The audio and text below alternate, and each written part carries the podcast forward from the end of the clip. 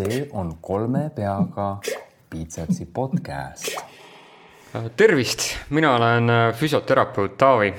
tervist, mina olen kiropraktik Martin. ja täna on meil äh, kahe peaga Piitseps, et äh, oleme kahe kõnes Martiniga, et meie hea sõber Raiko täidab isa kohustusi ja muid asju et vaatame, kuidas ta tulevikus otsustab meiega veel liituda või, või mitte aga Just. tänane teema on meil äh, istumine. miks me täna istumisest räägime, Martin? Äh, minul, mina arvan, et äh, minu probleem istumisega seoses tuli sellest, et ma olen meedias näinud päris suuri artikleid selliste autorite poolt, kelle poolt eeldaks, et, et, et see sisu on nagu tõendipõhine ja, ja hea ja, ja mul on väga-väga mitmed argumendid ja, ja, ja sellised äh, mõtted häirima hakanud, sest noh, ma olen istumise kohta päris palju lugenud ja, ja minu meelest on lihtsalt istumisega seotud kohutavalt palju müüte et justkui nagu mingi osa sõnumitest on nagu õige, et see suund on nagu õige, aga, aga mingid asjad on ikkagi nagu täitsa valed. ja kui üldse nagu kuulata, mis inimesed ise ütlevad, siis noh, kas siis patsiendid, eks ole, või siis, või siis lihtsalt sõbrad või tuttavad või ähm, siis neid müüte ringleb ikka niigi palju, et, et tekkis kuidagi selline tunne, et võtaks need kõige levinumad, võtaks need nagu suured artiklid, võtaks need eraldi argumendid ette ja, ja võtaks äh, veebist ka sellised levinumad argumendid ette ja, ja siis vaataks, et mis neist on tõsi, mis mitte ja, ja võib-olla natuke üritaks kuulajale ka nagu selgitada, et mis meie nagu mõttekäik seal nagu taga on hästi, nii et me ei ole rahul selle sõnumitega, mis äh, ringlevad äh, ringi. ma ise olen ka füsioterapeudina näiteks märganud, et kui ma lähen kuhugi kontorisse koolitama ja kui ma ennast tutvustan, ütlen, et ma olen füsioterapeut siis äh, kõik inimesed ajavad endale selja sirgu. et äh, äh, väiksed nüansid nagu natukene tekitavad nagu tunnet, et ma oleks mingi füürer, kes kuidagi üritab väga kohustuslikult sirge seljaga inimesed istuma panna. aga mm, selle jaoks, et alustada, me peaksime kõigepealt defineerima ära, mis on istumine ja mis on istuv eluviis ja kuidas see erineb näiteks siis inaktiivsusest oled sa minuga nõus? jaa, täiesti, absoluutselt. mis siis on istumine ja istuv eluviis äh,? Istuv eluviis siis inglise keeles siis sedentary äh, lifestyle või sedentary behavior nii-öelda äh, põhimõtteliselt tähendab siis äh, nii-öelda kas istumist või siis lösutamist või, või siis, või siis kasvõi lebamist kus siis, ehm, kus siis energiakulu on alla ühe koma viie mettühiku. et ehm, kuulajal ei tasu nüüd kohe ära ehmatada nende ühikute peale, et, et põhimõtteliselt kui inimene siis teeb erinevaid tegevusi, siis lihtsalt energiakulu on erinev. et näiteks kui inimene istub või, või kui ta tõuseb püsti, liigub ringi või jookseb, eks ole, või sprindib või niimoodi, et siis see energiakulu on hästi erinev, mis on nagu loogiline. põhimõtteliselt nagu autoga sõidad, hästi aeglaselt sõidad või kohapeal oled, siis võtab natukene kütet, vajutad gaasi põhja, võtab väga palju nagu kütet, eks ole. nii et istuv eluviis on madala, väga madala energiakuluga tegevus. tegevus, täpselt, just, just ja, ja, ja, ja mis on siis ähm, mis siis on füüsiline inaktiivsus, eks ole, sest see tundub ju justkui, et, et see on ju sama, eks ole. aga definitsiooni järgi ei ole, sellepärast et istuv või tähendab, füüsiline inaktiivsus tähendab seda, et inimene ei täida WHO liikumisnorme. Ja WHO liikumisnormidest me oleme varasemates podcast ides rääkinud ka, et kes ei ole veel kuulanud, et minge lihtsalt saateid mööda tagasi ja leiate kindlasti ülesse tuletame meelde ka, et seal siis äh, on vaja vähemalt mõõduka intensiivsusega aeroobseid tegevusi teha. et põhimõtteliselt, kui su süda hakkab märkimisväärselt kiiremini tööle, su energiakulu tegevusel oluliselt tõuseb, siis sa oled aktiivne ja kui sa seda ei tee, siis sa oled inaktiivne, võib nii öelda. just, ja, ja lihtsalt jällegi, numbritest korra rääkida, siis ütleme selle mõõduka intensiivsuse, see MET nii-öelda siis äh, äh, met-, metabolic equivalent task on siis äh, see ingliskeelne termin. ehk siis energiakulu jääb, jääb sinna kusagile kolme kuni kuue ühiku vahele. ja ma enne unustasin öelda, et tegelikult enam-vähem sihuke päris rahuoleku, noh nagu lebavärk või oleku nagu see ainevahetuse ühik või mit-, või see energiakulu ühik ongi tegelikult enam-vähem nagu ühe lähedal et me võimegi öelda, et kõik see lähtubki nagu sellest täitsa nagu sellest number ühest ja siis, ja siis sealt lihtsalt vaadatakse, et okei okay,, et tõusen püsti, liigun ringi, siis need ühikud hakkavad tõusma, eks ole. nii et see mõõdukas on kolm kuni kuus, nii et me ütleme, et ta on kolm kuni kuus korda energiakulu mõttes aktiivsem kui noh, näiteks istumine, eks ole sa nüüd defineerisid ära, aga ma ikka päris hästi sellest erinevusest aru ei saa, kas sul on ka mingi konkreetne näide tuua? Äh, jaa, mul on, mul on näide tuua. et nii. ma saaks paremini aru. just, see on väga tore, et sa küsid, sellepärast teeme asja nii selgeks, kui saab. Äh, võtame, ütle üks, võtame kaks tüdrukut, võrdleme, ütle, ütle üks ja siis. ütleme Anna ja Kaisa. Hanna ja Kaisa mm, -hmm. olgu, nii. Äh, võtame näiteks, et Hanna on mm,, on kontoritöötaja, eks ole. nii, Hanna on kontoritöötaja. ta sõidab autoga tööle, ta istub äh, päevas kontoritoolis kokku ja võib-olla veel kodus ka lisaks näiteks kaksteist tundi ja kõik, kõik need istumised kokku, ütleme, on täis pikk tööpäev, kaheksa tundi, aga siis kõik kokku päevas tuleb näiteks kaksteist tundi et väga palju istub. just, me võime selle kohta öelda, et noh, et, et see on, et see istuv või jah, see istuv eluviis on tal ju üsna nagu noh, nagu domineeriv, eks ole, tema elus mm. -hmm. samas aga ta jõuab koju, nüüd ta paneb ketsid jalga, ta läheb, teeb pooletunnise jooksutiiru, kus ta kulutab päris palju energiat. ja, ja nüüd ta iga päev tegelikult teeb midagi sarnast niimoodi, et järgmine päev selle jooksmise asemel teeb mingit muud tegevust, kus su energiakulu suhteliselt suur ja nüüd me võime öelda, et meil on inimene, Hanna on ju, kellel on siis, äh, kes on äärmiselt istuva eluviisiga, sest ta istub nii palju päevas, eks ole, aga ta täidab WHO liikumisnorme. et mhm. tegelikult päris tublisti täidab ta on istuva eluviisiga, aga äh, aktiivne. aga aktiivne, see tundub mm -hmm. nagu täitsa nagu crazy, et kuidas nii saab olla, on ju, või, mhm. või et mis see tähendab. ja, ja nüüd ma toon, ja nüüd ma toon siis teistpidise näite, eks ole ähm,. Kaisa on ju, nii Kaisa on juuksur. nii, Kaisa on väga tubli juuksur. ta seisab päevas meeletult palju. ta väga palju samme ei tee, ta väga palju tegelikult nagu ringi ei, ei, ei liigu. aga ta seisab päris palju. ja nüüd on siis niimoodi, ütleme siis kas kaheksa tundi, eks ole Nad liiguvad tema... ka natuke ringi seal, on ju. natuke liiguvad, aga võib-olla ütleme, samme tuleb, noh, võtame mingi näite, viis-kuus tuhat, eks ole mm -hmm.. noh, ja, ja ütleme niimoodi, et tema, kui ta koju jõuab, siis nüüd ta vaatab telekat või, või teeb midagi muud, ta ei tee rohkem mitte midagi, mis oleks füüsiliselt aktiivne.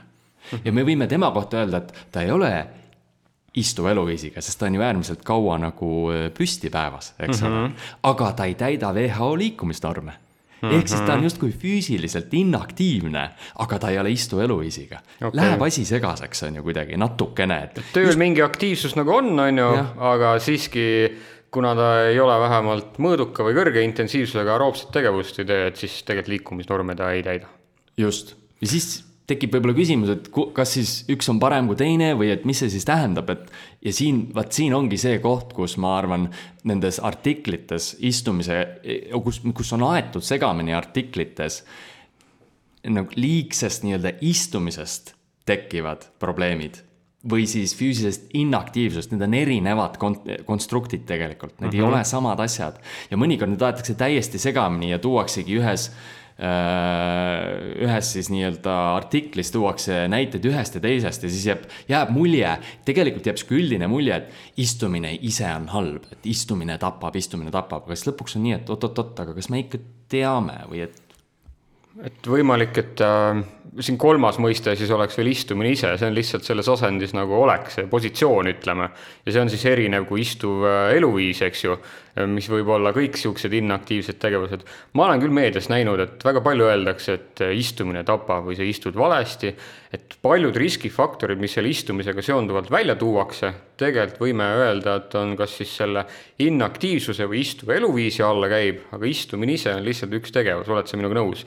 me ka praegu lihtsalt äh, istume, eks ju, et see Just. ei tähenda, et me äh, hiljem nii-öelda istuksime või me ei täidaks äh, liikumisnorme, on ju, et see istumine on lihtsalt äh, nii-öelda asend kui selline. ma tean, et vahepeal oli siin äh, niisugused äh, äh, koledad loosungid ka, et äh, istumine on uus suitsetamine et äh, oled ise ka kuulnud seda, et, et äh, seda väga palju meedias, artiklites äh, ka öeldi. ma tean, et sa leidsid ühe väga huvitava statistilise võrdluse, kus võrreldi siis istumist riskitegurina nii-öelda meie tervisele, suremusriskile vist, eks ju, ja siis suitsetamist. kui suur erinevus selles on, et kas istumine on tõesti äh, uus suitsetamine?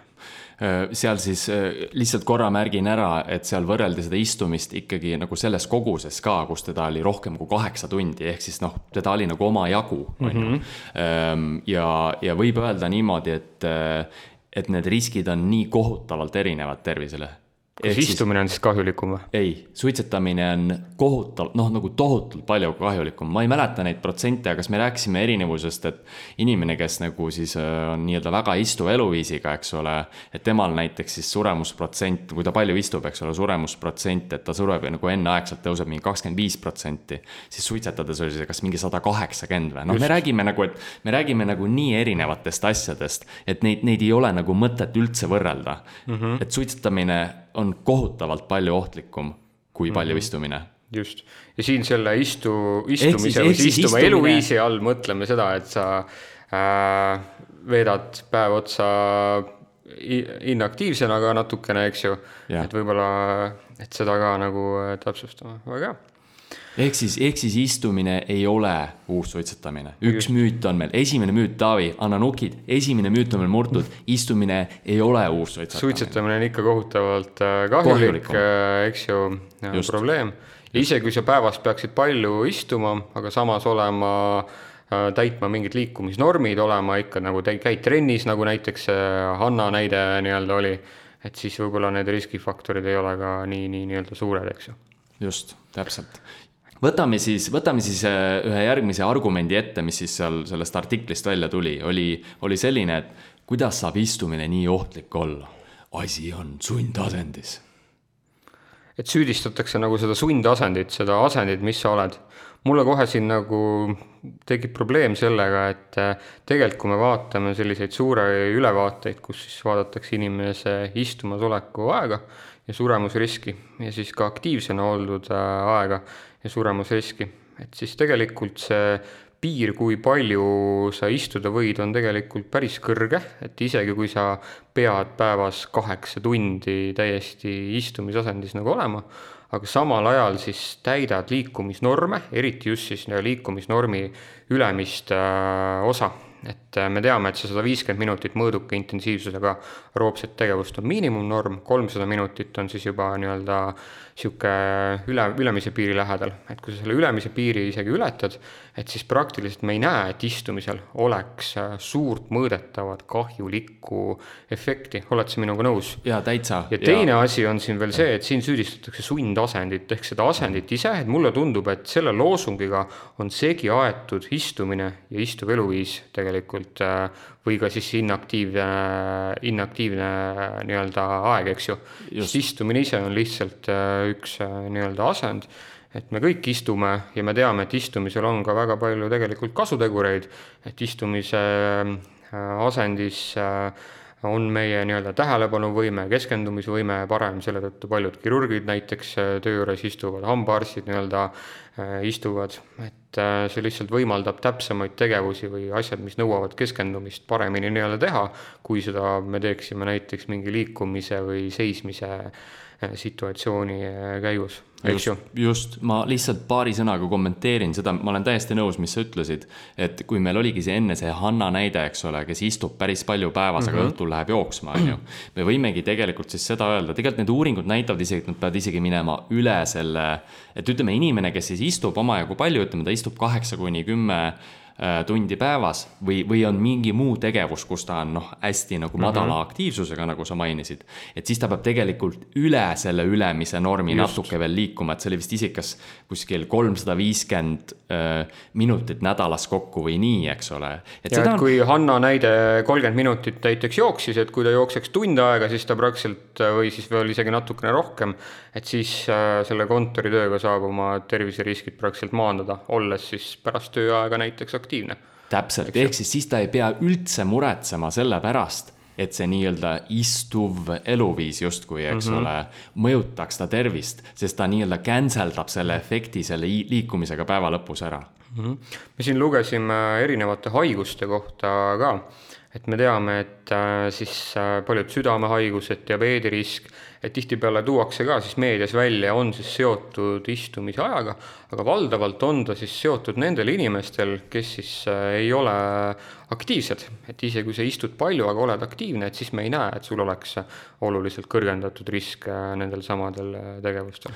just, ja siit, siin muidugi sa jõudsid praegu, sa tekitad, tekitasid minus hea mõte võib-olla tuua välja ka siis see kõige halvem kombinatsioon. sest me mm -hmm. rääkisime enne Hannast, me rääkisime enne Kaisast, aga meil on ka Jennifer. Jennifer on hästi istuva eluviisiga. ja aga ta ja inaktiivne, ta ei liigu mm -hmm. ka. et kui me paneme need mõlemad riskifaktorid kokku mm, -hmm. väga palju istuvat eluviisi päevas, ütleme mm -hmm. noh, kaksteist tundi või rohkem, pluss füüsiline inaktiivsus puudub, siis me võime öelda, et see on koht, kus sa ei taha olla mm. -hmm. et tee midagi nagu vähenda kas istuvat eluviisi või, või liigu rohkem, noh, liikumisel on nagu justkui paremad efektid minu meelest ikkagi mm. -hmm. aga et, et nagu see on see, mis tahaks nagu inimestele täna öelda, et ärge selles punnis nagu olge, et lihtsalt noh, tehke midagigi. jah noh, et Kaisa oleks siis oluliselt äh, tervem kui see sinu Jennifer, eks ju. Et isegi kui ta ei täida neid liikumisnorme, ta ei tee Just. nagu trenni trenni tegemise eesmärgil, et pulssi oluliselt tõusta, aga kuna tema on tööpäeva lõikes nii-öelda selles suhtes äh, mitte ei istu, vaid seisab püsti, kõnnib äh,, selliseid asju nii-öelda teeb, et siis tema tervisenäitajad on küll paremad kui Jenniferil, aga mitte isegi nii head kui näiteks siis äh, Hanna näide, kes teeb pärast äh, ka trenni lausa just, ja seal füüsilise aktiivsuse episoodis me rääkisime ka, et siis äh, mõõduka ja kõrge intensiivsusega aeroobsel tegevustel on oma unikaalsed kasutegurid, me tahaksimegi natukene siis äh, kas aja tõhusalt või siis äh, kohe seda intensiivsust tõsta, et me näeme, et teatud vähi ja teatud haiguste riskid siis oluliselt on sellest intensiivsusest ka rohkem seotud, eks, intensiivsusega oluliselt seotud, et et võiksidki midagi intensiivsemat teha aga see ei pea olema ka treeningu vormis tehtud, oled sa minuga selles osas ka nõus, et kui me valime kas näiteks tööle minekuks mingi äh, viisi, mis ka meid paneb higistama, sõidame sinna rattaga äh,, valime lifti asemel trepi, meie pulss nii-öelda tõuseb, et siis need minutid lähevad ka ju selle mõõduka intensiivsuse tegevuse alla, eks ju absoluutselt. kodused toimingud, lastega mängimine, seks, kõik tegevused ju lähevad just. sinna alla. just, just, täitsa nõus. hästi. nii, kas võtame järgmise mm, artiklist järgmise võtame. lõigu?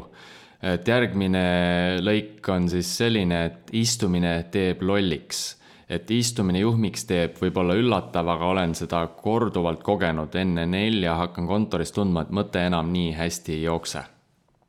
selline, selline lõik oli siis seal artiklis. et jälle tundub, et äh, see ei ole sellest, et sa istud, et sa ei ole võib-olla tükk aega kas äh, pausi teinud, keskkonnavahetust nii-öelda teinud või sa ei ole aktiivne olnud, siis me teame tegelikult, et aktiivsus, kui sa paned vere ringi käima, ka ajuverevarustus, värskustunne, kõik ju tähelepanuvõime nii-öelda areneb, et sa ei saa liiga kauaks lihtsalt selles asendisse olla. et siin tundub, et probleemiks on see, et lihtsalt võib-olla liiga kauaks on sellesse inaktiivsesse asendisse jäänud, oled sa nõus? ja ma arvan, et see on üks asi, aga mina isegi tahaks natuke teistmoodi läheneda Nii. sellele.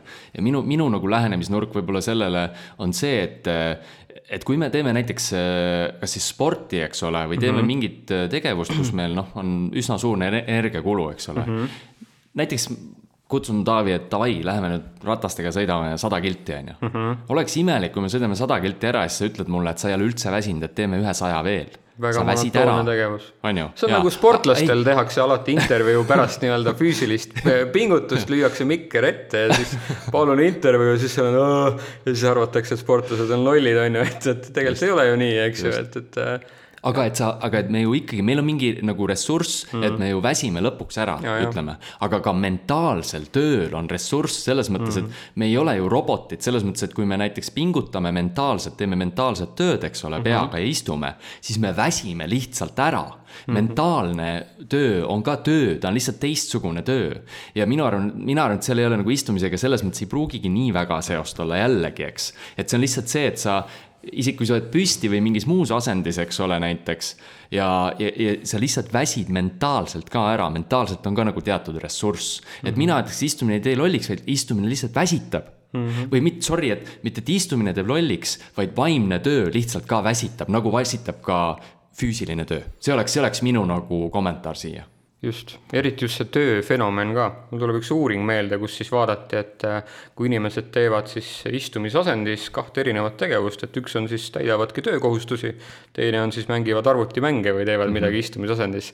et kuna üks on rohkem tööga seotud, teine on meelelahutusega seotud, siis meelelahutustegevustes sul ei teki võib-olla nii suurt vaimset nagu väsimust äh, nii-öelda ka. et sealt on nagu raske välja tuua, et, et äh, kas siis istumine on see probleem, et ma olen sinuga nõus, et pigem siis võib-olla see vaimne pingutus üldse on see, mis äh, meid ka nii-öelda siis rumalamaks teeb, et ma saan aru ka selle artikli nagu mõttest, et tahetakse edasi anda ju seda, et oleme aktiivsemad, eks ju, või siis äh, hakkame ka trenni näiteks tegema, et see on ju see suunis võib-olla, aga see, kuidas ta on nagu kirjutatud, tundub nagu vot natukene liiga ekstreemsustesse mindud, et võib-olla nagu reklaamina või niisugust äh, kõneainet tekitavana on ta nagu päris hea aga -hmm. jälle seal võib mõned käärid tulla, et, et siis inimene võib-olla hakkab keskenduma isegi valedele asjadele, et ma näen üheks selliseks suureks probleemiks võib olla see, et kui sa nüüd teed istuvat tööd, niikuinii töötad kontoris, eks ju, ja siis sa kuuled, et on selline artikkel, kus süüditatakse kogu aeg istumist, et siis äh, nüüd sa teed tööd edasi aga nüüd sa tead, et see töö, mis sa teed, on kuidagi kahjulik.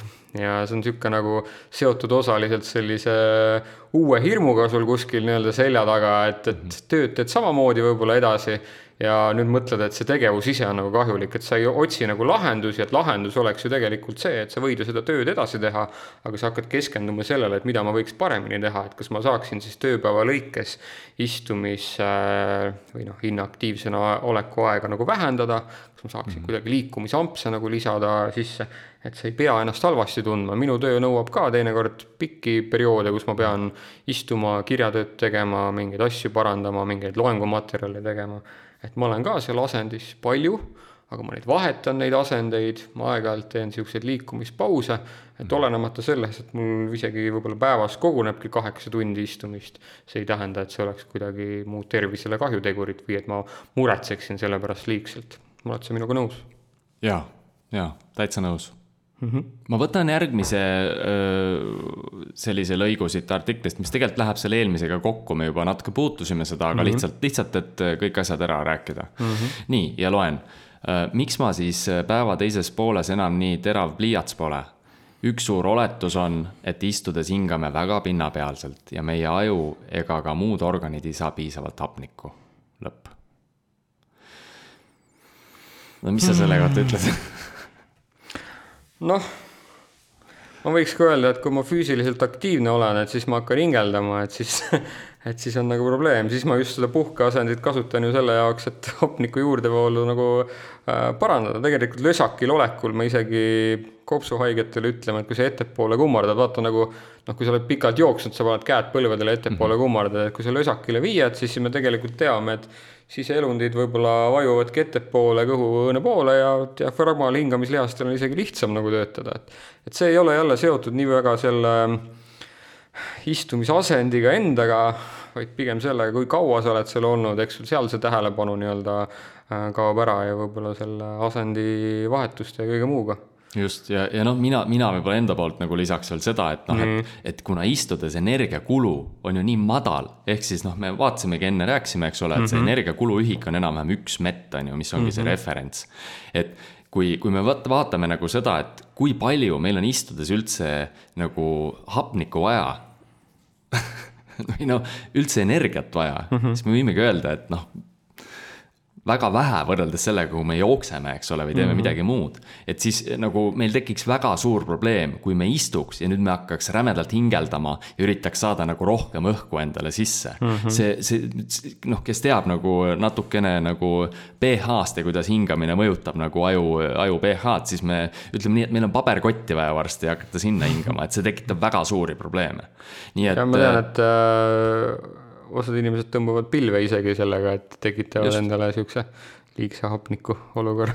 just, et mina nagu ütleks, et see on ikkagi nagu täiesti ülepaisutatud mm. ja et äh, me istume väga pinnapealselt, see on täiesti normaalne mm, -hmm. kui sa, kui sa oled äh, nagu tegevuses, kus sul on nagu vajadus, eks ole, gaasivahetuseks madal mm. -hmm et siis nagu keha on ju proportsionaalne sellega, see on normaalne jah, kui ei ole energiat vaja, hingan pinnapealselt, kui on energiat vaja, hingan agressiivselt. ja, ja tõenäoliselt sa ei peagi selle peale mõtlema, vaid see lihtsalt on automaatne isegi, eks ole. füsioteraapias on ka üks selline müüt, mida ma olen kuulnud nagu, mis patsientidele alati öeldakse, et sa hingad nagu valesti, et sa hingad kuidagi rindkere või äh, roietega.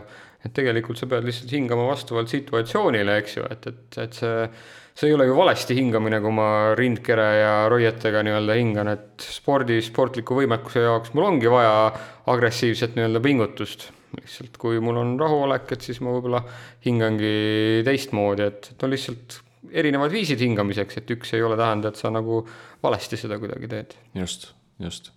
järgmine väide siin, lähme edasi, on, on minu lemmik, et, et väide on siis artiklis see, et istudes langeb koormus lülisambale ja nimme piirkond hakkab peagi haiget tegema, sest seljadiskid kaotavad elastsuse. vot see on minu lemmikteema, et äh, koormus lülisambale, et ma isegi kujutan ette, et kus see äh, võib äh, pärineda et äh, tegelikult ju üks äh, uurija, kelle võib-olla pilte me oleme enamikel ergonoomika koolitustel näinud, kus siis äh, on näha, et kui sa istud, siis võib-olla koormus on lülisambale suurem, kui sa lamaned. et ta on ju ise öelnud, et väga valesti tõlgendatakse seda koormust, et see koormus on ju tegelikult neutraalne väärtus, see ei ole ju halb, kui sul koormus lülisambal on, me tegelikult tahame lausa seda koormust pakkuda et kui me võtame selle koormuse lülisambalt ära, et siis äh, meie diskid või mis iganes muu lülisamba osad ei talugi seda koormust, et tegelikult koormus on ju hea, et me ei saa tuua siin välja, nagu tuuakse, et et koormus on lülisambale halb ja et see on seotud nagu nimmevaluga või midagi sellist me näeme tegelikult, et kui me harjutusi teeme, siis see ju koormab meie nimme piirkonda, meie diske ja harjutused tihtipeale aitavad justkui nagu valu vähendada, et siin nagu hirmutatakse selle koormuse ees kuidagi nagu ära, et et see ei ole jälle see case, eks ju, et, et tegelikult Just. Äh, probleem on see, et jälle võimalik, et sa oled ähm, siis kas inaktiivne või väga pikalt sellesse asendisse nii-öelda jäänud, et see on tõenäoliselt see ähm, võtmesõnum siit, mida tahetakse võib-olla edasi anda, et senikaua, kui su aktiivsustase säilib ja sa asendeid vahetad, et siis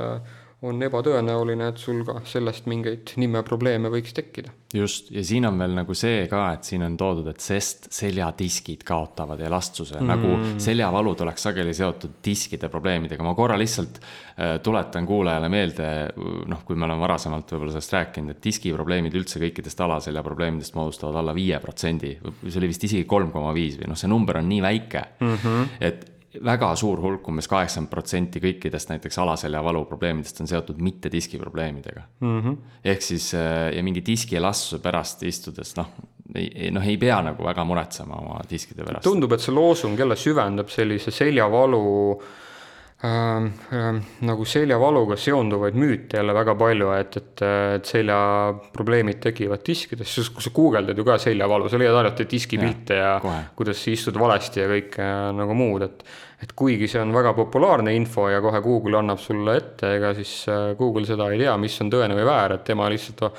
annab otsingumootoris selle sulle ette, mis on kõige populaarsem teooria, aga tegelikult see on müüt ju, eks ju, et, et, et ähm, ja noh, tõsi. koormus on ju hea ja, ja, ja me ei saa siduda seljavalusid alati diskiprobleemidega, et see on harv. just, ja isegi kui inimestel on diskiprobleemid, siis see on tõsi, et neil sageli istumine on valulik aga see ei tähenda seda, et istumine tingimata põhjustaks seda, et me ei teagi võib-olla täpselt äh, alati, miks diskiprobleemid tekivad. et kui me toome ka näite, et äh, näe, mul on seljavalu, mul istumine on valus, et ära istu rohkem, siis ma ei saa ju seda kõigile üle kanda, et nagu hea füsioterapeut Lehman ütle, äh, ütleb, et äh, et sama hästi ma võiks ju väga palju kõndida näiteks. Siis mul on kõndides jalavalu, aga ma ei hakka ju kuulutama kõigile, et ära nüüd kõnni, on ju, et, et see, kui palju sa midagi teed ja kas sa ülekoormad ja kas sa üle taluvuse piiri teed, et see on see võtmesõnum, et ei kõndimine ega istumine ise ju ei ole tegelikult see põhjus, miks nii-öelda valu, valu tekib just, ja siin me tuleme ikkagi sellesama asja juurde tagasi, millest me päris alguses rääkisime, kus me üritasime eristada ikkagi istuvat eluviisi ja füüsilist inaktiivsust. et äh, tõenäoliselt ka siinjuures ei pea seda istumist nii väga kartma, kui lihtsalt äh, nagu liikumisnormi ja noh, nagu täita ja, ja lihtsalt teha liikumisampse ja liikuda. et siis ei pea seda istumist võib-olla otseselt nii palju kartma isegi ma võtan siis järgmise, ma võtan siis järgmise väite siit artiklist ja siin on siis niimoodi intervjueeritav artiklis siis nentinud, et et, et siin ala- ja ülaseljavalude korral jalutamas käimine enam ei aita, tuleb hakata teha, tegema konkreetseid harjutusi. see on jälle, noh, tundub, et selle artikli kirjutaja ei ole nagu ise spetsialist, et tõenäoliselt on spetsialist milleski muus, aga mitte siis seljavalualases kirjanduses, kui me tegelikult vaatame ju äh, seljavalu siis äh, nii-öelda ravijuhised, milliseid tegevusi peaks tegema, et siis see on tõene, et kehaline aktiivsus ja harjutused nagu aitavad, aga me teame ka, et meil ei ole ühte konkreetset või harjutust, mis, äh, mis, mida me peaksime tegelikult tegema või see ei pea olema midagi väga spetsiifiline, et kui põhimõtteliselt sa lihtsalt seljast paned koormuse läbi käima või oled üldiselt aktiivne, et siis on praktiliselt enamikele krooniliste valudele, sellele kõige enam levinuvad nii-öelda seljavalu hädadele, mis inimesi nii-öelda aeg-ajalt häda teeb Äh, on ju see kõige parem nii-öelda lahendus, lihtsalt aktiivsust tõsta, et me näeme, et erinevad harjutusprogrammid nagu toimivad kui sa teed pilatest, kui sa teed jõutreeninguid, et see ei pea olema mingi väga konkreetne harjutus, oled sa minuga nõus? absoluutselt, et miks ma arvan, on oluline nagu öelda seda, et ei tule hakata konkreetseid harjutusi alati nagu tegema, kuigi neil on aeg ja koht ikkagi mõnikord olemas, eks ole. aga sihuke üldine soovitus võiks olla pigem see, et nii paljud erinevad asjad toimivad, eks ole, siis inimene võiks pigem valida nagu ikkagi just selle tegevuse, mis talle kõige rohkem meeldib. et teha võib-olla mingeid programmi harjutusi, millel on nagu sama palju kasu, aga mis on jube tüütud, eks ole mm. -hmm. et see on, see on nagu halb, sest äh, siis ta võib-olla teeb neid natuke aega, siis ta ei tee neid enam ja ta on lõpuks õnnetu, eks ole. ta ei viitsi mm -hmm. neid teha, ta ei saa kasu ka. et pigem nagu siis võiks teha juba tegevusi, mis, äh, mis meeldivad endale, sest neil on sama palju kasu mm. -hmm. suures pildis. huvitav oleks muidugi teada, et milliseid konkreetseid harjutusi selle artikli kirjutaja mõtleb, et mul on juba omad kahtlused, aga, aga okay. ma ei, aga ma ei tea äkki, äkki süvalihaste harjutus või midagi sellist, et, et läheb nende müütidega veel edasi, eks ju. tõenäoliselt läheb mm., aga, aga, aga meil ei ole seda kinnitust. just, nii, kas võtame nüüd järgmise? Davai. okei okay,, ühe jätame vahele, nii äh,, ahah, olgu, nüüd on siis järgmine, järgmine väide on meil artiklis siis selline, et istumise riskid lihastele, pinges seljalihased ja nõrgad kõhu ja tuharalihased on suurelt rasvaselt välja toodud. jälle kuidas... siis inaktiivsuse äkki riskid või? osaliselt äkki, et kas siis istumine, ma tean, et on äh, väga ju seostatakse seda, et kui sa istud mingis asendis, on ju, et siis puusapainutajad nagu lühenevad, tuharad nõrgenevad, ma ise uskusin ka vanasti selliseid teooriaid ja kirjutasin ka artikleid, on ju, selle kohta ja, ja väga hästi nagu see hirmutavad teooriad vaata nagu müüvad ja inimesed nagu jagavad kulutulena, aga noh, kui aeg on edasi läinud, et siis äh, on ilmselgeks saanud, et päris nii see ikka ei ole, et, et, ähm, et äh, me ei saa ju istumise asendi järgi öelda, kas lihas on tugev või lihas on pinges või lihas on kuidagi äh, pikk või lühike. jah, pikk või lühike. et sellest me rääkisime lihastasakaalu episoodis ka juba päris äh, nii-öelda pikalt.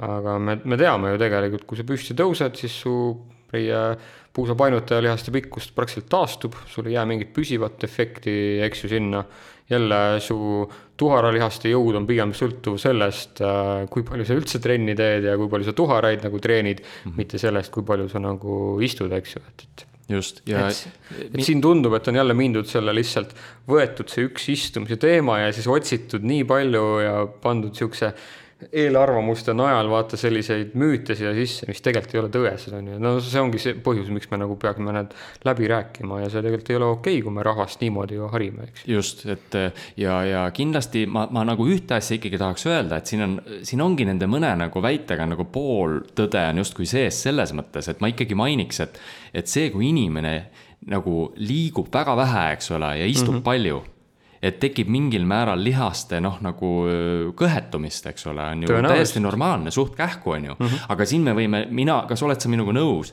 et pigem see tekib ju nagu nii puusapainutajates, nii tuharalihastes, kõikides nendes pagana lihastes, mis ei, mis ei saa lihtsalt piisavalt koormust. et me ei saa öelda, et tasakaal nüüd läheb nässu, et lihtsalt kõik lihased, mis ei saa koormust mm, -hmm. nagu reageerivad sellele nii-öelda siis passiivsusele või siis vähesele füüsilisele aktiivsusele. just, ja kui me usume näiteks, et lihas läheb pingule, et siis on jälle oht see, et me hakkame rakendama siis istuva eluviisiga inimestele ka ebaefektiivseid strateegiaid, et kui me räägime lihaspingest, siis tundub nagu kõige loogilisem venitama hakata, aga Just. tegelikult su lihased ei olegi pinges selle tõttu, et sa istud seal asendis, vaid see, et sa liigud vähe ja kui me lihtsalt paneme su rohkem liikuma, siis me tegelikult teame, et lihasjõudlus suureneb, võimekus suureneb, ka lihase elastsus ja liikuvus tegelikult suureneb, eks ju. et sa ei peagi venitama selle jaoks, et saada ma ei tea, ette kummardada paremini, sa pead lihtsalt võib-olla seda lihasgruppi rohkem kasutama, et lihase tervis paraneb ja siis ta lubab ka kaugemale nii-öelda lõõgastuda, tugevamini pingutada ja nii edasi, eks ju, et et see, mida me nüüd teeme selle pingejutu arvelt, on ka oluline teada, et jälle, võti on selles, et me oleme kehaliselt treenitud ja aktiivsed, mitte selles, et mm,. Me nüüd peaksime siis venitama näiteks. tegelikult Taavi, sina oled kirjutanud minevikus ühe hea artikli just selle lihas nii-öelda pinge eh, subjektiivse taju osas. minu meelest see oli väga hea, väga häid nagu asju sa tõid seal välja mm. -hmm. ja see pani mind väga mõtlema tegelikult ka selle peale, et, et see, see, mida inimesed väga tihti nagu justkui tunnevad, mis, mis justkui läheb noh, ühtib ikkagi paljude inimeste vahel. et see võib selle teooriaga täiesti mitte kokku minna. ehk siis selline tunne justkui pingetunne võib olla lihtsalt subjektiivne tunne, millel ei ole mingit seost sellega, et mingi lihas oleks lühenenud. jah, need on väga põnevad uuringud, mis on sellega tehtud, et, et kui me laseme massööril katsuda ütleme, ühepoolse kaelapingete või ühekohalise kaelavaluga patsientide trapetslihaseid, et siis massöörid lihtsalt katsumise järgi tegelikult ei saa teada, et kumb pool on nii-öelda subjektiivselt selle inimese jaoks rohkem pinges, et nad leiavad jäiki kohti või, või tugevaid niisuguseid äh, kohti lihases ka terves pooles praktiliselt sama palju, teinekord isegi rohkem kui seal valutavas pooles, valu või lihaspinge on ikka tunne, mitte nii väga siis selle struktuuriga seotud nii-öelda äh, tegur, eks ju. see on, see on üks koht äh, ka, jah küll on näiteks leitud, et kui me vaatame lihaspingetega inimesi ja mitte lihaspingetega inimesi, et siis ähm, aldimad on need lihaspingetega inimesed ka siis lihase verevarustuse või hapnikutaseme häiretele. et seal on mingi bioloogiline toime ka, aga seal jälle selle jaoks, mis, mis on kõige efektiivsem strateegia, oleks siis lihases hapniku ja aktiivsustaset nagu tõsta, ehk siis teha dünaamilisi jõuharjutusi, mitte jälle venitusi, et, et me teame ju tegelikult, et kui me lihaspingete korral määrame venitusharjutused, siis nende efekt on väga lühiajaline, pikaajalist efekti ei ole, paljud inimesed ei viitsi neid teha et kui sa lihtsalt teed jõuharjutusi suurematele lihasgruppidele, mis on niikuinii liikumisnormi osa lihtsalt, et olla terve skeleti lihassüsteemiga nagu inimene, et siis sellel on ka lihaspingetele pikas perspektiivis kõige parem efekt, et noh, seal võib tuua, et tegelikult lihase baasainevahetus ka paraneb selle tõttu, kui sa regulaarselt trenni teed, eks ju, et võimalik, et sealt on see bioloogiline toime, aga seal võib ka muid asju nii-öelda olla, mis veel seda pingetunnet nii-öelda eemaldavad. super kas võtame nüüd need järgmised, vaata äh, argumendid sellest, mis ma olen netist siis leidnud, väga Ta levinud, olgu. mis müüte sa veel oled siis leidnud? nii, üks, äh, üks väide netis, mis ma leidsin, oli selline, et äh, iga istutud tund suurendab südame-veresoonkonna haiguste, diabeedi, vähi ja isegi depressiooni riski. ma arvan, et kui sa oled see Jennifer et äkki siis, äkki on mõeldud siin, sest kui me lugesime ka neid artikleid, siis vähemalt mina leidsin, et et võib-olla kui need korrelatsioonid seal tuuakse, mis on niisugused nagu populaarsed või meediasse nagu kajastuvad, et siis need on tehtud uuringute põhjal, mis on leitud, et jah, istumisaeg on nagu riskifaktor ka nendele inimestele, kes on nagu tegelikult inaktiivsed, siis päevapeale nagu ei ole aktiivsed, et seal võib mingi tõde nagu olla, oled sa minuga nõus või? olen, aga tead, ma arvan, mis me peaks ühe asja ära tegema, mida me tegelikult ei ole veel teinud me ei ole otseselt veel arutanud või defineerinud, et mis võiks umbkaudu olla üldse nii-öelda tervisele ohutu istumisaeg nii-öelda või siis istumise või ütleme siis noh, madala aktiivsusega, eks ole. seda sa vist leidsid ka. Mis su see hinnanguline number seal välja tuli, et sa lugesid päris palju uuringuid nende kohta, et kui palju siis on okei? okay istumisaega, istu, istu, istumisaega. istuda või, või, või jah ja., olla sarnases tegevuses. ilma, et meil oleks mingit kahjulikku efekti, kui me täidame liikumisnormid. just, ütleme nii, et kuni kaheksa tundi tundub olevat äh.... ilma probleemideta. jaa ja, või siis need probleemid on nii väiksed, nende riskid on nii väiksed ja seal tekib üldse küsimus, et kas nende uuringute kvaliteet on nii hea. et mina ütleks, et kuna meil see hirmutamise efekt võib olla ka täitsa olemas, eks mm -hmm. ole, siis mulle näib, et praeguste andmete alusel võib öelda, et kuni kaheksa tundi, noh, ei, ei peaks nagu muretsema mm, -hmm. eeldades muidugi, et liikumisnormid on täidetud, see on see teine asi, millest me rääkisime, on ju, mhm. aga, aga ütleme nii, et see, need riskid lähevad nüüd oluliselt suuremaks, et ütleme, kui inimene istub kümme tundi, eks ole, kaksteist tundi vaat siis see, siis see riskitase, jaa, ta progressiivselt ole... kasvab mm -hmm. tõesti, just. nii et, et ma arvan, et kui inimene kaheksa tundi istub, ta ei pea üldse muretsema mm. -hmm. aga kui ta istub seal, ütleme, kaksteist tundi või nii, või kümme mm -hmm., kümme, kaksteist. ööpäevas siis ja. kokku nagu põhimõtteliselt ja mitte ainult istumisasendis, ka lebamisasendis, kõiges muus, eks ju. just, just. et siis nagu risk, risk tõuseb, eks ju. see ei veel garanteeri probleemi, aga risk tõuseb. just, ja need riskid, noh, just, ja siin ongi siis, võiks öelda, et siis võiks nagu üritada ju limiteerida seda istumisaega nii-öelda mm -hmm. või siis, eks ole, et, et mis tahes siis viisil ja, ja ja, ja siin me jõuame ühe järgmise väga huvitava asjani, korra tahaks puudutada seda ka mm. -hmm. et äh, tekib küsimus, et äh, mil, mis on, mis on head viisid, kuidas istumisaega vähendada üldse, kui me ei räägi otseselt sellest, et me juba oleme intensiivsemalt liikumas mm. -hmm. no tegelikult olekski ju mõlemast otsast tark läheneda et äh, nii siis äh, pidurdada üle kaheksatunnises istumisaega, pluss siis äh, täita neid liikumisnorme, et siis teha midagi mõõduka või kõrge intensiivsusega, oled sa nõus?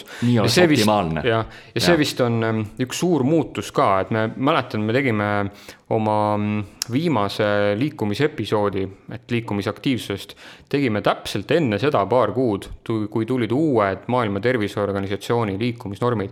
ja seal nagu rõhutati ka, et meil on targem nagu kahelt poolt läheneda, et ühelt poolt siis vähendada istumisaega, teiselt poolt liikumisnorme nii-öelda täita sest on ka palju inimesi, nagu sa tõid välja selle Jenniferi, kes ei tee kumbagi, aga ta saaks kasu tegelikult ühest või kahest ideaalselt äh, mõlemast nii-öelda siis, et äh, oma tervist parandada just, just täpselt. ja ütleme, kui me toome siis sellise näite, et inimene tõuseb püsti näiteks, eks ole, et noh, et vähendada istumisaega. vanasti oli väga populaarne see ergonoomikas, et istumisega seoti väga palju terviseprobleeme, siis pandi kõik inimesed seisma.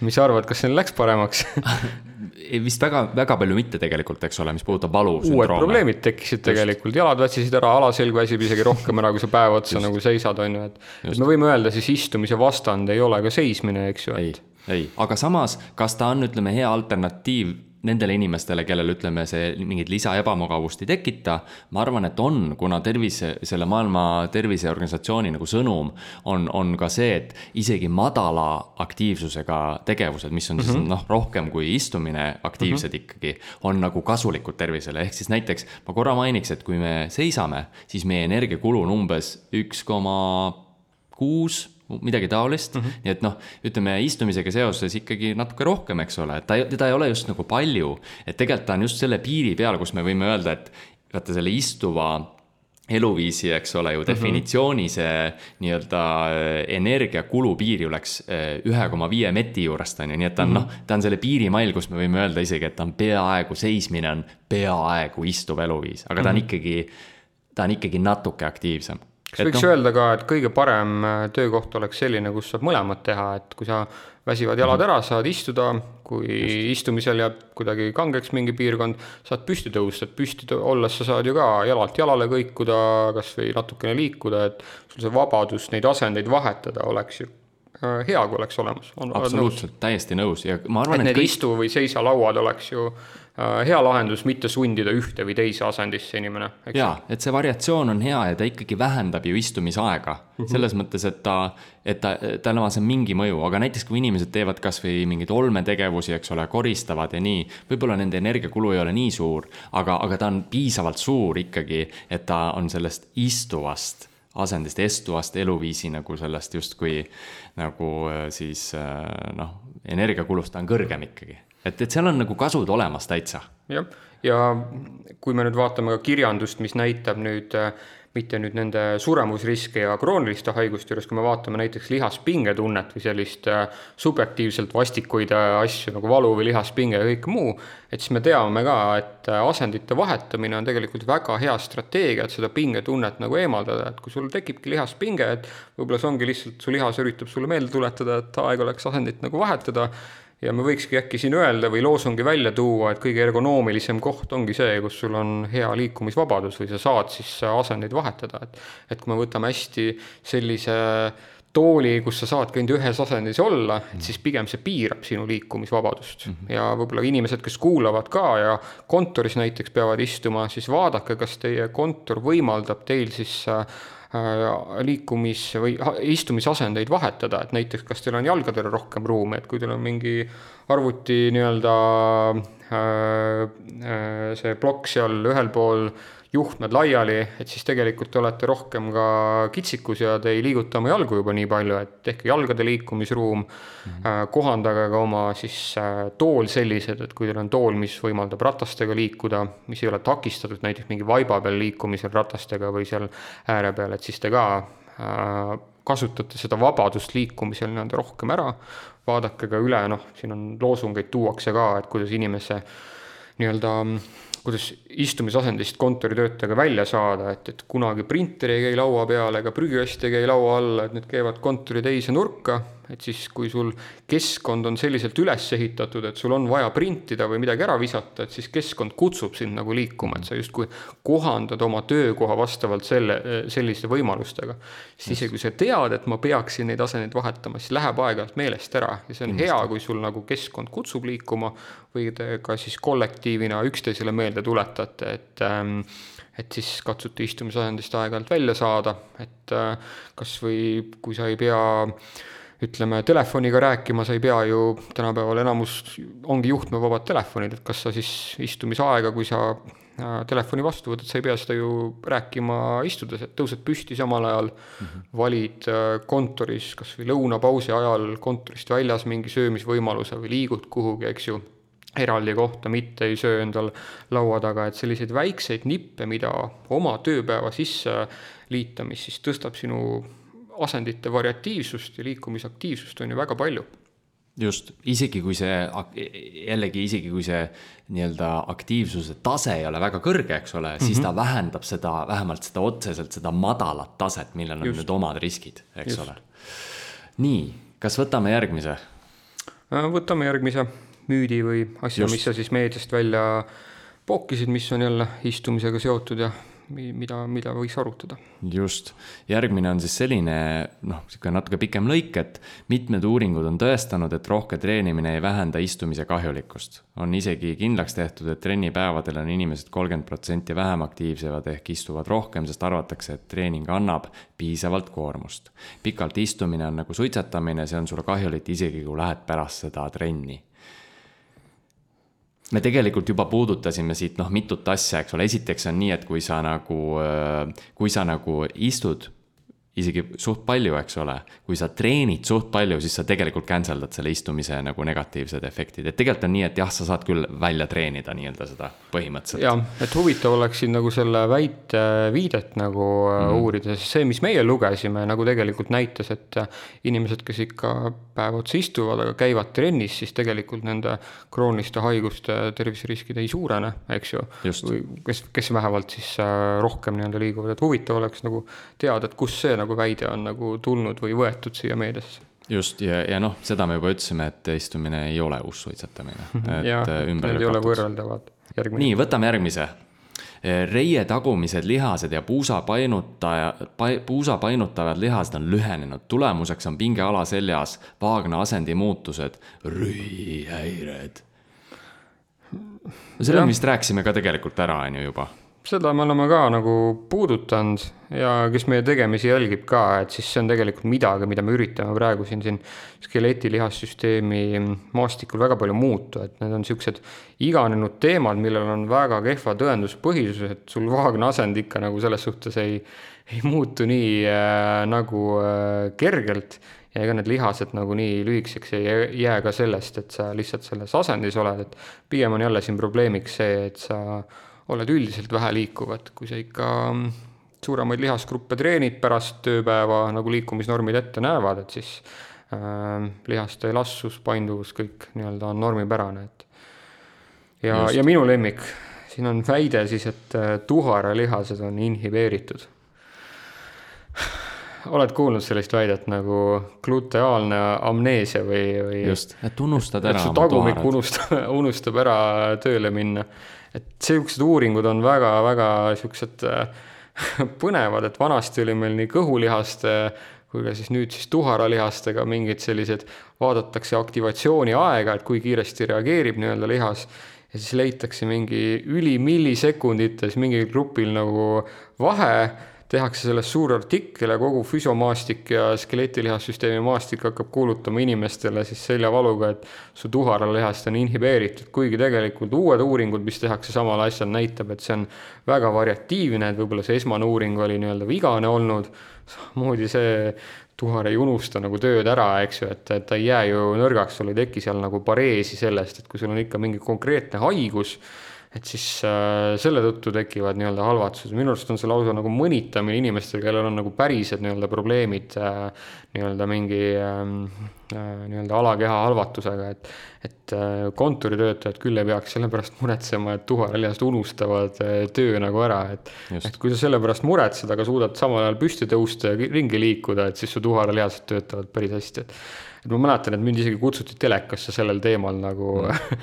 rääkima ja ma ma praktiliselt ei olnud nõus isegi seda nagu välja tooma nagu inimestele müüdina, et rääkisin pigem asjadest, mis on nagu olulisem, et et on palju artikleid, võib-olla olete ise ka kunagi kuulajad lugenud, et, et, et, et sellel teemal, et tuharad unustavad töö ära, mul isegi patsiente tulnud, ütlevad, et et mul diagnoositi see ära, et, et mul tuharalihas ei aktiviseeru õigel ajal, et mis harjutusi ma nüüd tegema pean, et et noh, raske patsiendile ka nüüd öelda, et see, mis sa nüüd oled äh, lugenud või keegi sulle on öelnud, keegi autoriteet võib-olla, keda sa usud, et see päris nii ei ole, on ju, et noh, harjutused toimuvad nii või teisiti, on ju, mingitel muudel eesmärkidel, aga sellepärast otseselt muretsema ei pea, et kas su tuharalihas nüüd ei aktiviseeru õigel ajal või mis seal toimub. mis ei tähenda seda, et tuharaid ei võiks nagu treenida, eks ole, aga et kas nad nüüd eraldi on, äh, ütleme, suur probleem mm. äh, nagu isoleerituna, eks ole, teistest lihastest istumise tõttu, seda ei saa vist öelda.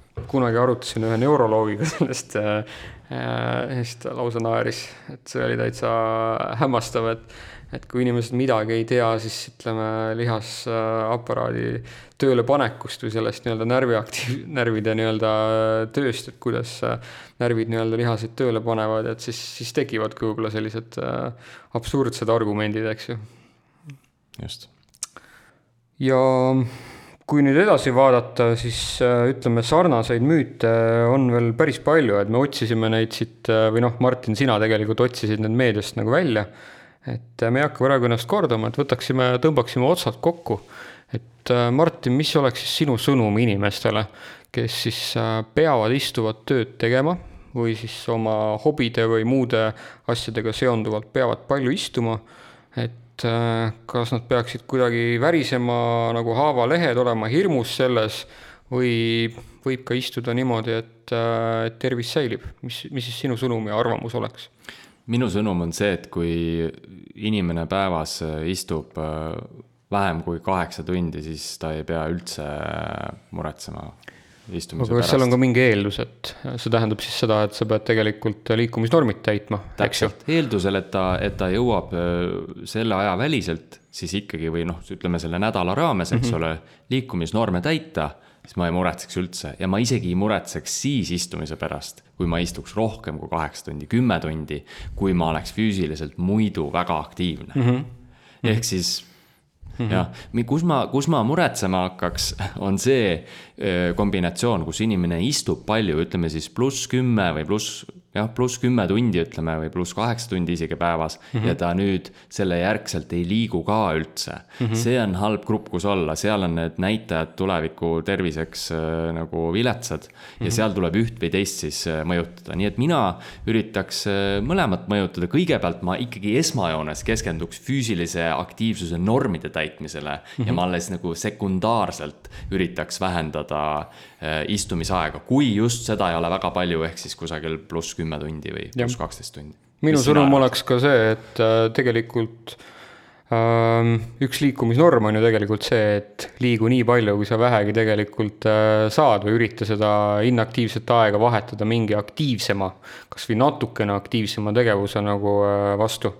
et, et isegi kui sa norme ei täida, et siis alusta lihtsalt kasvõi natukene rohkem liikumisest ja palun siis äh, ärge ajage segi, nii tulevased ajakirjanikud, kes artikleid kirjutavad, kui ka inimesed, et mis on äh, istumine ja mis on istuv eluviis ja mis on inaktiivsus, et enamik neid asju, mis meedias äh, kajastuvad ja kirjeldavad, on seotud tegelikult inaktiivsusega, mitte istumisega kui ise, et et mina küll tunnen ennast istumises hästi, ma ei arva, et ma midagi halvasti teen, eeldusel, et ma olen pärast tööpäeva aktiivne oled sa minuga nõus? täpselt, absoluutselt. väga hea, tõmbame siit siis otsad kokku. mina olen füsioterapeut Taavi. mina olen kiropraktik Martin. aitäh kuulamast ja ilusat päeva teile. aitäh